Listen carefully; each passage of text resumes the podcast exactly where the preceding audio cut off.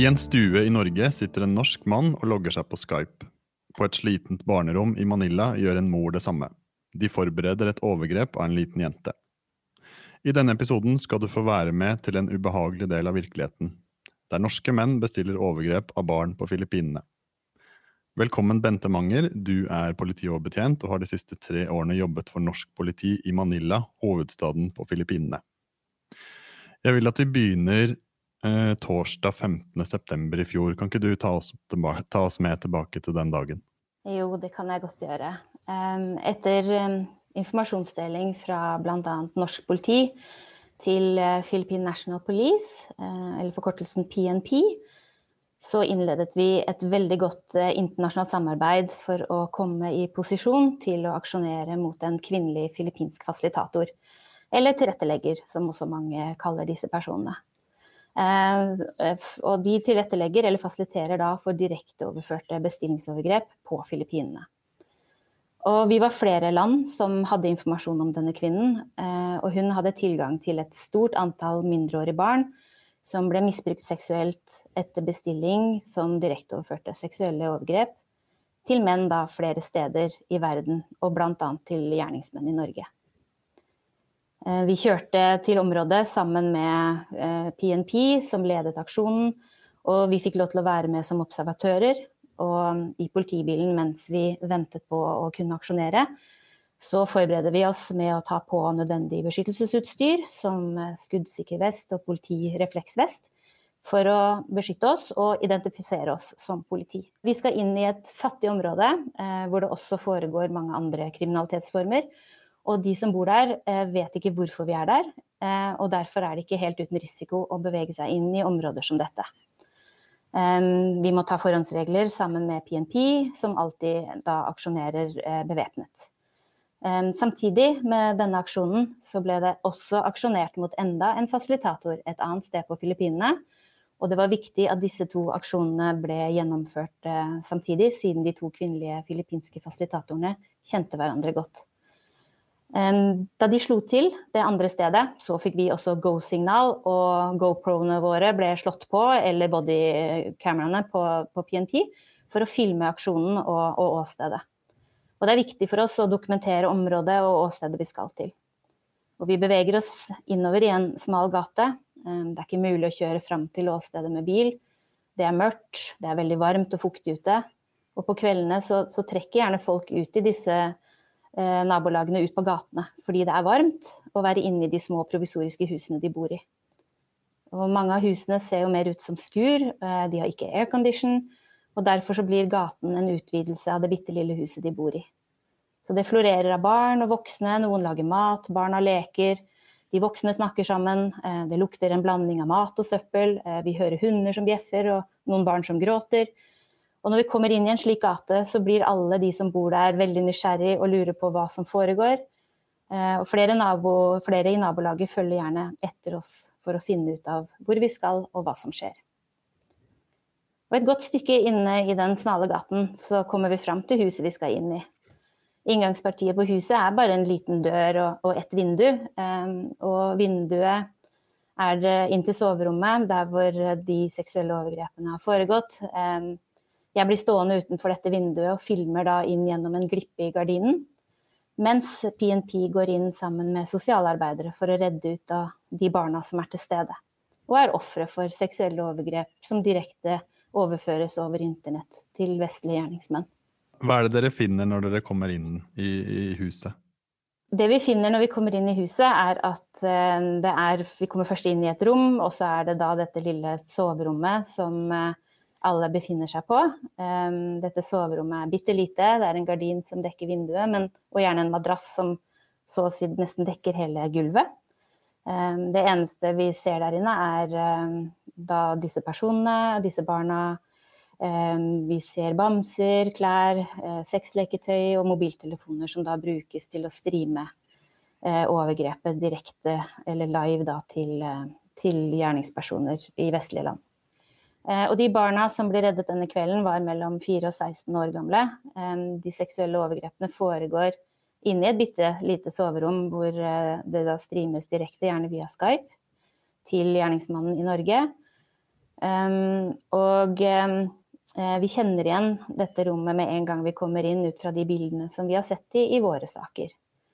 Uh, barna blir jo tatt hånd om med en gang og ført bort fra åstedet umiddelbart. Um, og det minste barnet på fire år gråter og, og, skriker litt om hverandre og forstår ikke helt hva som skjer. Men, men, vi som er til stede, vi er lettet og takknemlige over at vi har klart å, å redde ut enda flere små barn eh, og ofre ut fra denne grusomme kriminalitetsformen. Eh, mot slutten av praten vår, med, mot slutten av podkasten, skal vi tilbake igjen til den saken. Og du skal fortelle hva som, hva som har skjedd etter at dere var eh, på aksjonen og gjorde beslag og, og politiarbeid der. Men eh, kan vi ikke ta det liksom fra starten? Hva var det som var grunnen til at du ville bli politi i det hele tatt? jo, vel, helt fra jeg var ganske liten, så hadde jeg veldig lyst til å bli politi. Jeg ønsket meg et spennende yrke hvor ingen dager er like, og det å ha muligheten til å hjelpe personer som var utsatt for en urett eller noe kriminelt. Jeg ville ha en jobb som også krever mye av meg, eh, som gjør at jeg må holde Eh, meg faglig oppdatert, eh, være fysisk aktiv, være engasjert og motivert til å, å stå i jobben gjennom en lang yrkeskarriere. Og ja, noen dager så, så kan det være utfordrende og, og, vanskelig, men når vi oppdager eh, disse sakene og vi oppnår gode resultater og kan hjelpe små barn ut av en overgrepssituasjon, så betyr det så enormt mye eh, for disse individene at de kan få muligheten til et tilnærmet normalt liv som mange av oss tar som en selvfølge. Eh, og jeg har mye å takke foreldrene mine for, eh, for de ga meg en trygg og god oppvekst. Eh, de er mine forbilder, og, og begge to har et stort hjerte når det kommer til å hjelpe andre. Pappa jobbet på en spesialskole hvor det bodde barn med forskjellige behov som trengte ekstra hjelp og oppfølging, og ofte fikk barn fra denne internatskolen være med hjem til oss for å hjelpe til litt på gården jeg kom fra, eller bare leke litt med broren min og meg. Eh, og vi ble også fosterfamilie for en gutt som trengte en familie. Eh, så jeg ble kjent med en jente på denne internatskolen som hadde blitt utsatt for overgrep da hun var barn. Og hva hun hadde opplevd, gjorde stort inntrykk på meg. Eh, og vi har fremdeles kontakt en dag i dag. Og det ble veldig tydelig for meg at ikke alle barn har et så godt hjem og trygg oppvekst som jeg opplevde at min barndom var. Så derfor er det viktig for meg å kunne bidra og gjøre en forskjell for de som er ofre for kriminalitet, og spesielt barn og unge som er ofre for seksuelle overgrep. Og sånn cirka på den tida her, for tre år siden, så um, sendte den norske staten deg til uh, Manila og Filippinene. Kan ikke du fortelle litt om, om bakteppet der, og hvorfor, uh, hvorfor du ble sendt? Ja, eh, i 2015 så begynte Kripos å se nærmere på dette nye fenomenet. Eh, direkteoverførte bestillingsovergrep mot barn. Eh, som vi også har forkortet DOBO, for det er jo et ganske, ganske langt navn. og på Kripos eh, så jobber jeg på seksjonen for Interpol Europol. denne seksjonen er kontaktpunkt for internasjonalt politisamarbeid. Hvor vi bl.a. bistår og håndterer anmodninger om internasjonalt politisamarbeid fra norsk politi. Og jeg fikk ansvaret på seksjonen til å følge opp disse Dobo-sakene. Og være kontaktpunkt mellom norsk politi og NLO Bangkok, eh, altså Nordisk Liaison Office i Bangkok. Eh, og vi så allerede eh, i den første Dobo-saken vi samarbeidet med filippinske myndigheter, eh, hvor viktig det var med tilstedeværelse på Filippinene. Og da i august 2019 så ble det annonsert i media at Norge skulle åpne et kontor i Manila, og stillingen ble utlyst kort tid etterpå. Og Kripos denne, eh, så jo på denne stillingen som en mulighet for et eh, tettere og bedre samarbeid og, og oppfølging av sakene, og ikke minst erfaringsutveksling da i, i Dobo-saker. Og, og, hensikten og målet med å opprette dette kontoret er jo nettopp å bidra til å oppdage flere saker, eh, arrestere flere gjerningspersoner og, og redde ut så mange som mulig fra en overgrepssituasjon.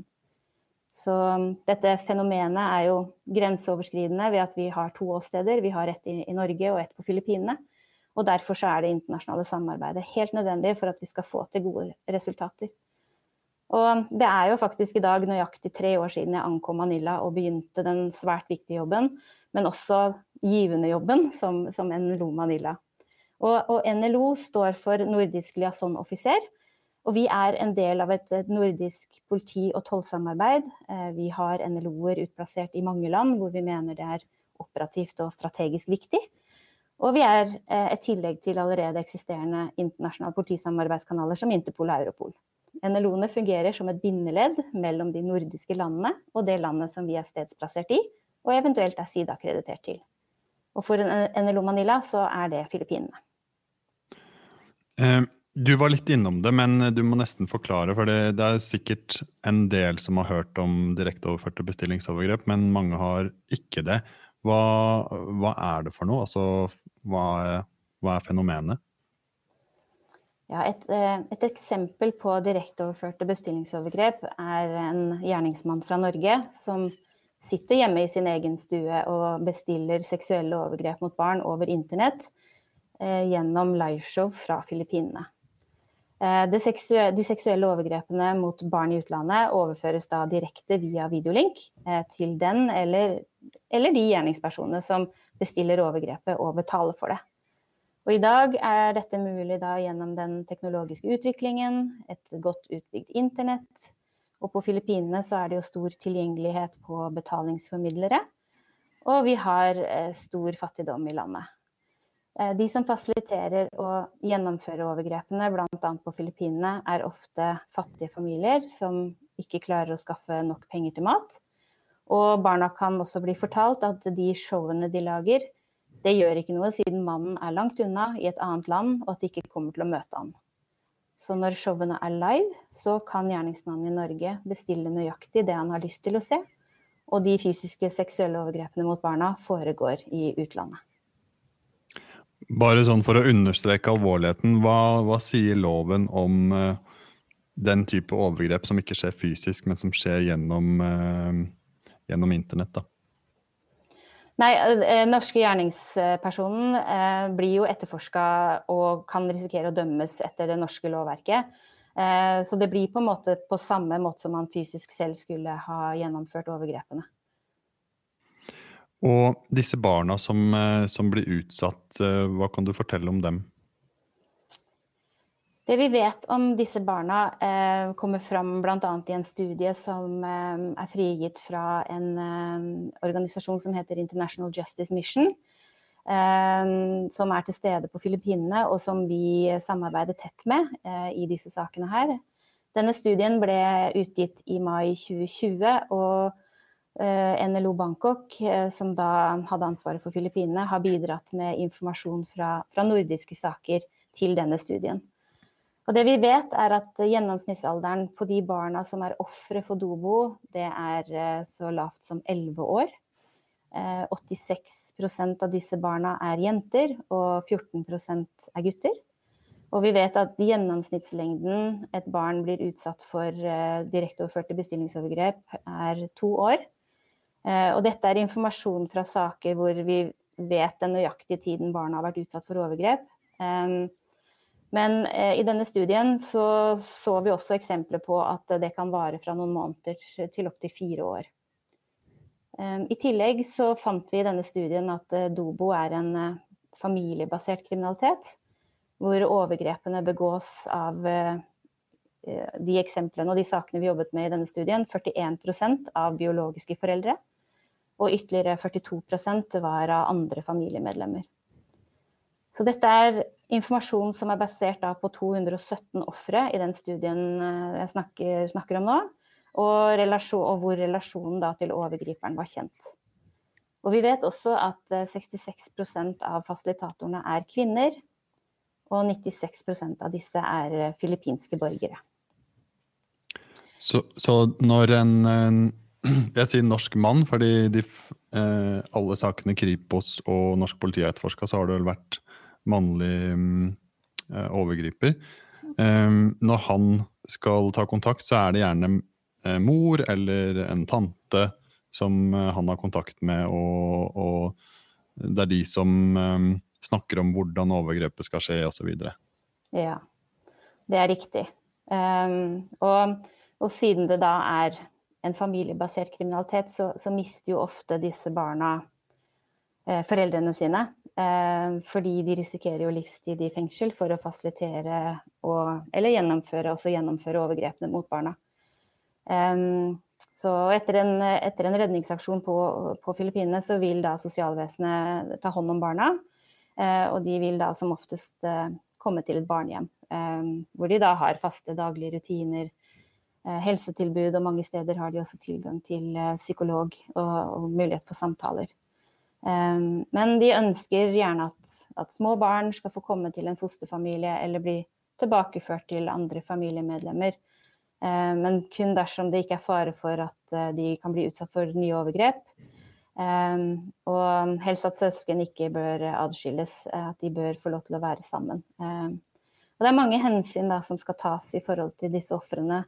Uh, og det er viktig å finne en, en god løsning, og permanent løsning på omsorgssituasjonen. fordi Ehm, ja, det de har opplevd og, og, det de har vært gjennom, er forferdelig. Og, og de blir jo preget av dette her i, i, lang, lang tid. Det tar lang tid før de kanskje klarer å, å komme seg over en del av det, de grusomme opplevelsene som de har hatt. Og det er kanskje ikke gitt at uh, det, det, overgrepet kun blir sett av den uh, norske mannen som sitter og bestiller det? Nei, og det er jo det som er eh, ekstra, ekstra vanskelig for ofrene i disse typer saker. Fordi det vil alltid være en risiko for eh, retraumatisering. Eh, fordi at både bilder og videoer kan være distribuert på nettet og kan ha blitt tilgjengeliggjort for et ukjent nummer av gjerningsmenn rundt omkring i verden. Eh, og dette gjør jo at ofrene for denne kriminalitetsformen de opplever jo at de aldri helt kan, kan se en slutt på dette misbruket. Um, og det jeg kan si av egne observasjoner og samtaler som jeg har hatt med sosialarbeidere her på Filippinene, er at mange av disse barna opplever jo mye skam og fortvilelse og sinne når de finner ut av at det de har vært utsatt for, er galt. Um, tilliten til foreldre og omsorgspersoner blir jo brutt, og spesielt i tilfeller hvor barna har blitt tvunget til dette med makt. Uh, og mange har jo lav selvfølelse, de opplever humørsvingninger og mareritt om natten. Ehm, de er redde for at de kan komme til å oppleve dette igjen. Og de beskriver livet sitt på barnehjemmet som, som, bra og trygt, fordi de har en seng å sove i, de får mat og klær, og de får gå på skole. Um, og nå nylig så møtte jeg også en liten jente på tolv år som nettopp hadde født et barn som resultat etter at hun hadde blitt, blitt voldtatt. Så ja, det er, eh, det er en grusom er realitet. Mørke skjebner. Ja. Mm. Altså disse norske overgriperne, um, hva er det de risikerer når de gjør det de gjør? Ja, I disse sakene så, så, dreier det seg jo om tilbud og etterspørsel. Um, vi har gjerningspersonen i Norge som bestiller og betaler for direkteoverførte overgrep, og så har vi gjerningspersonen eller fasilitatoren på Filippinene som kanskje kommer fra en fattig, fattig familie, trenger penger. Uh, og som da sørger for at uh, bestilleren i Norge får, får, det han ønsker, og de seksuelle overgrepene mot barna finner da sted eh, i et lite hus et eller annet sted på Filippinene. Eh, og disse fasilitatorene de, de mottar jo betaling. Eh, eh, og gjerne da gjennom betalingsformidlere som ligger i nærheten av der de bor. Og vi ser at det er foreldre, det har vi jo snakket litt om, eller andre familiemedlemmer. Men det kan også være naboer som gjør sine egne barn til, til offer for, for, disse overgrepene. Og noen ganger så, så, får jo de voksne sine egne barn til å rekruttere andre barn til å delta. Og da ofte barn fra nabolaget. Um, og vi har jo sett eksempler på fattige foreldre som tilbyr barna sine til en fasilitator for å tjene litt penger. Så det er, I mange av sakene så er det dessverre mye fattigdomsrelatert. Eh, disse familiene må ha noe å leve av. Eh, og vi har også sett at barn som selv har vært ofre for disse eh, sakene, har blitt fasilitatorer selv i voksen alder. Um, og ja, de direkte overførte bestillingsovergrepene foregår jo som oftest i, i det som er hjemmet til, til noen av barna. Men sånn um, Det er jo en god del norske saker som er ført for retten, og som, um, hvor, det, hvor, det, har falt om. Hva, Hvor alvorlig ser rettsvesenet på det de overgreperne gjør? Um, jo, um, i, det vi har sett, da, er at uh, de norske gjerningspersonene som, som, risikerer å bli oppdaget gjennom den informasjonsdelingen og det samarbeidet vi har, uh, det er at vi får, vi får ja, verifisert en del av informasjonen i sakene, og vi får etablert et godt internasjonalt samarbeid. Som, og det vi også ser, er at dette er et prioritetsområde i svært mange land. Så gjerningspersonen i Norge blir jo da etterforsket etter mulig brudd på norsk straffelov, som jeg var litt inne på i stad. Og dersom vedkommende blir dømt, så risikerer jo vedkommende mange år i fengsel. Og i to av de sakene som jeg har bistått med informasjonsdeling i, så har jo de norske gjerningspersonene blitt dømt til så mye som 19 og 21 år i fengsel. Eh, så det sier jo litt om hvor alvorlig disse sakene er, og, og hva en gjerningsperson i Norge kan risikere dersom, dersom han blir tatt. Og så kan um, Hva slags ansvar er det vi i norsk politi har når en, en norsk borger begår et overgrep over internett mot et barn på Filippinene? Nei, i hvert fall denne kriminalitetsformen, da, som er grenseoverskridende i den form at det foregår på internett, eh, så mener jeg at eh, norsk politi har et stort ansvar å etterforske disse sakene og prøve å finne ut av og, og redde ut de barna som faktisk er ofre for for overgrepene som nordmannen bestiller og betaler for, og får da servert eh, hjem på laptopen sin. Eh, fordi eh, dette her er jo faktisk barn. Det er reelle barn, det er ofre. Det er de mest sårbare, sårbare personene vi har. og de, selv om de lever på andre siden av jorda, så fortjener de også å bli Eh, ivaretatt, eh, og at eh, de kan også bli reddet ut og få muligheten til å, å få lov til å leve da, et, et, bedre liv enn, enn, det de opplever akkurat nå.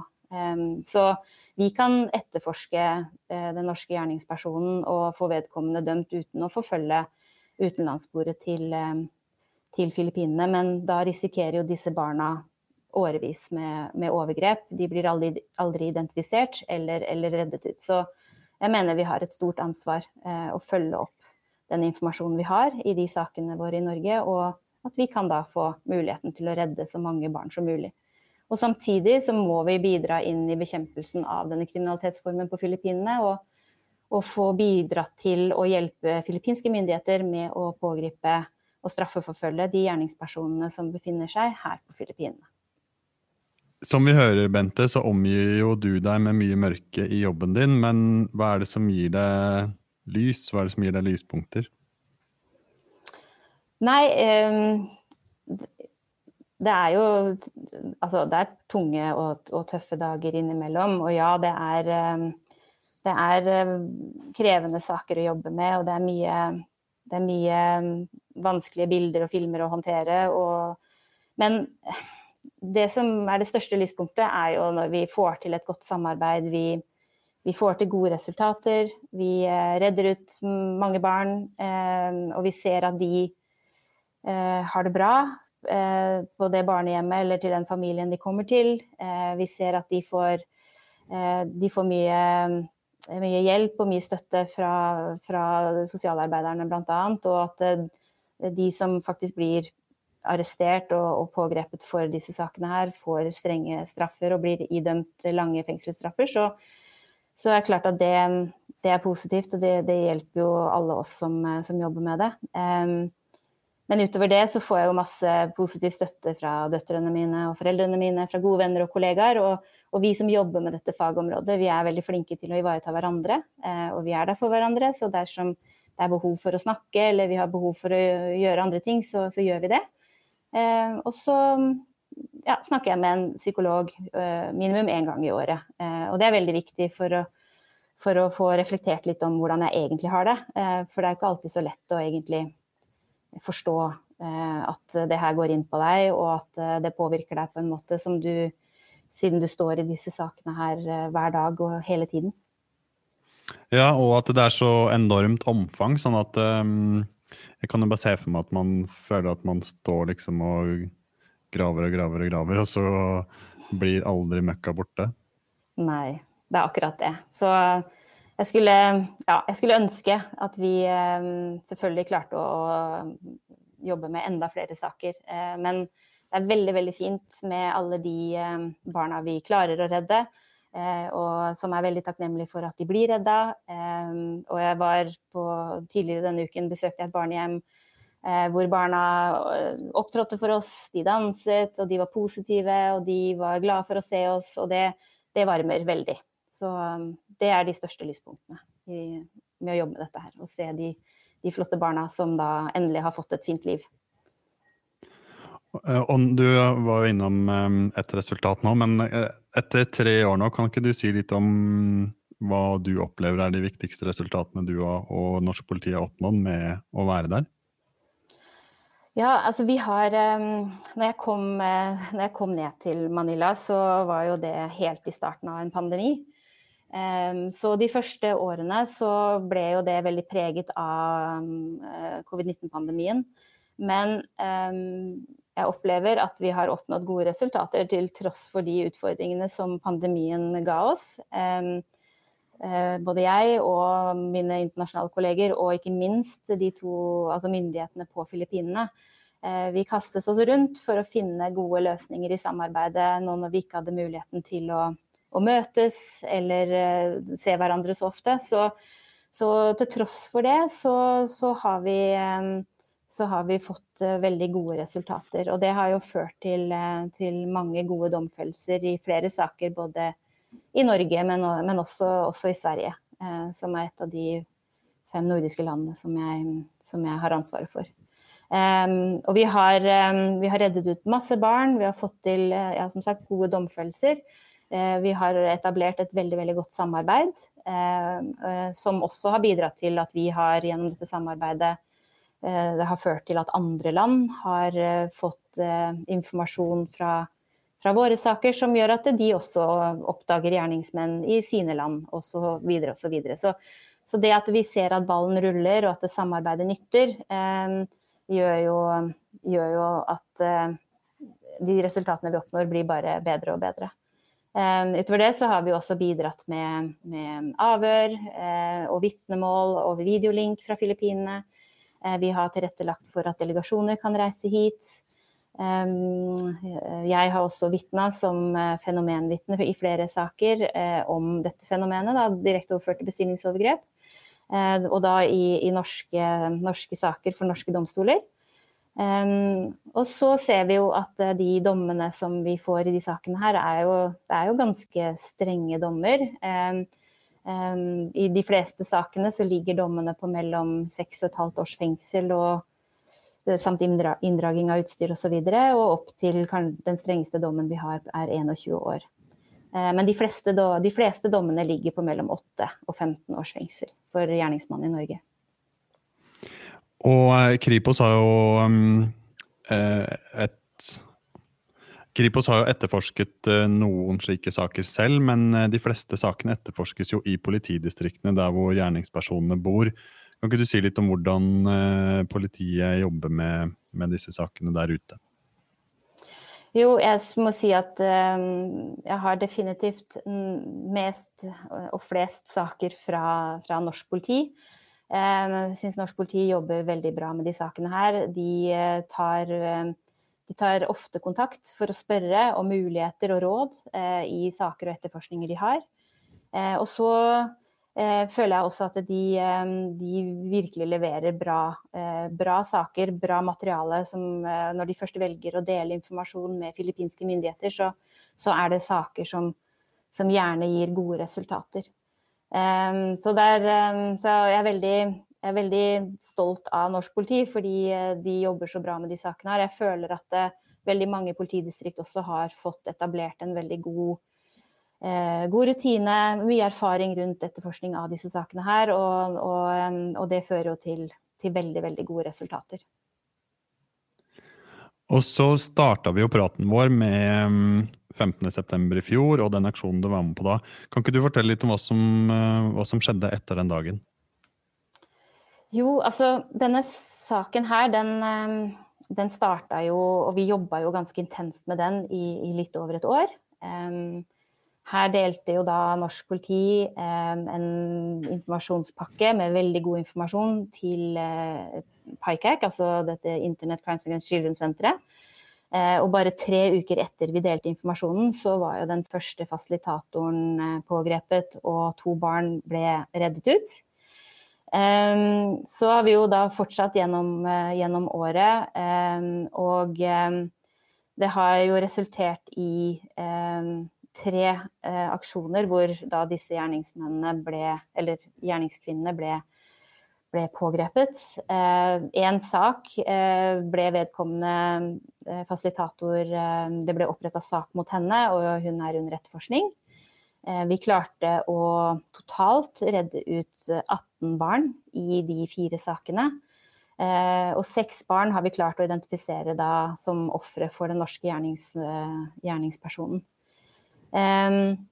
Vi har for noen dager siden mottatt dom for den ene fasilitatoren på Filippinene som ble idømt 15 års fengsel.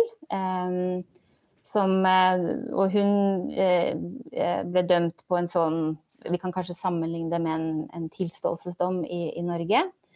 Um, så um, Men så vil jeg også nevne at vi innledningsvis så nevnte jeg også en fasilitator til som ble pågrepet et annet sted på Filippinene, hvor to barn ble reddet ut. Så totalt i den saken her så har vi jo da reddet 20 barn. Etter samarbeid og informasjonsdeling um, i denne ene norske saken. Um, og det det også har ført til, er jo nye pågripelser. Uh, og vi håper jo på å få identifisert enda flere ofre. Men også nye saker og nye gjerningsmenn etter det gode resultatet disse sakene da har gitt oss uh, så langt. Um, den norske gjerningspersonen uh, ble i denne saken i januar i år dømt til 13 år fengsel. Um, og det som er viktig å si, er at vi klarer jo ikke å bekjempe denne kriminalitetsformen alene. Og hvis vi skal oppnå gode resultater, så må vi dele informasjon. Vi må dele kunnskap og erfaringer, og vi må ha et godt internasjonalt samarbeid. Og de åtte årene som jeg har jobbet med disse sakene, så ser vi at det nytter. Eh, vi får til gode resultater, og barna som er reddet, eh, de kan få hjelp. Og, og de kan få muligheten til å leve et, et bedre liv. Da vil jeg bare si tusen takk til deg, Bente, for jobben du gjør, og for praten. Du har hørt en episode av podkasten Med Kripos på jobb. Denne podkasten produseres av kommunikasjonsstaben på Kripos, og mitt navn det er Aksel Due.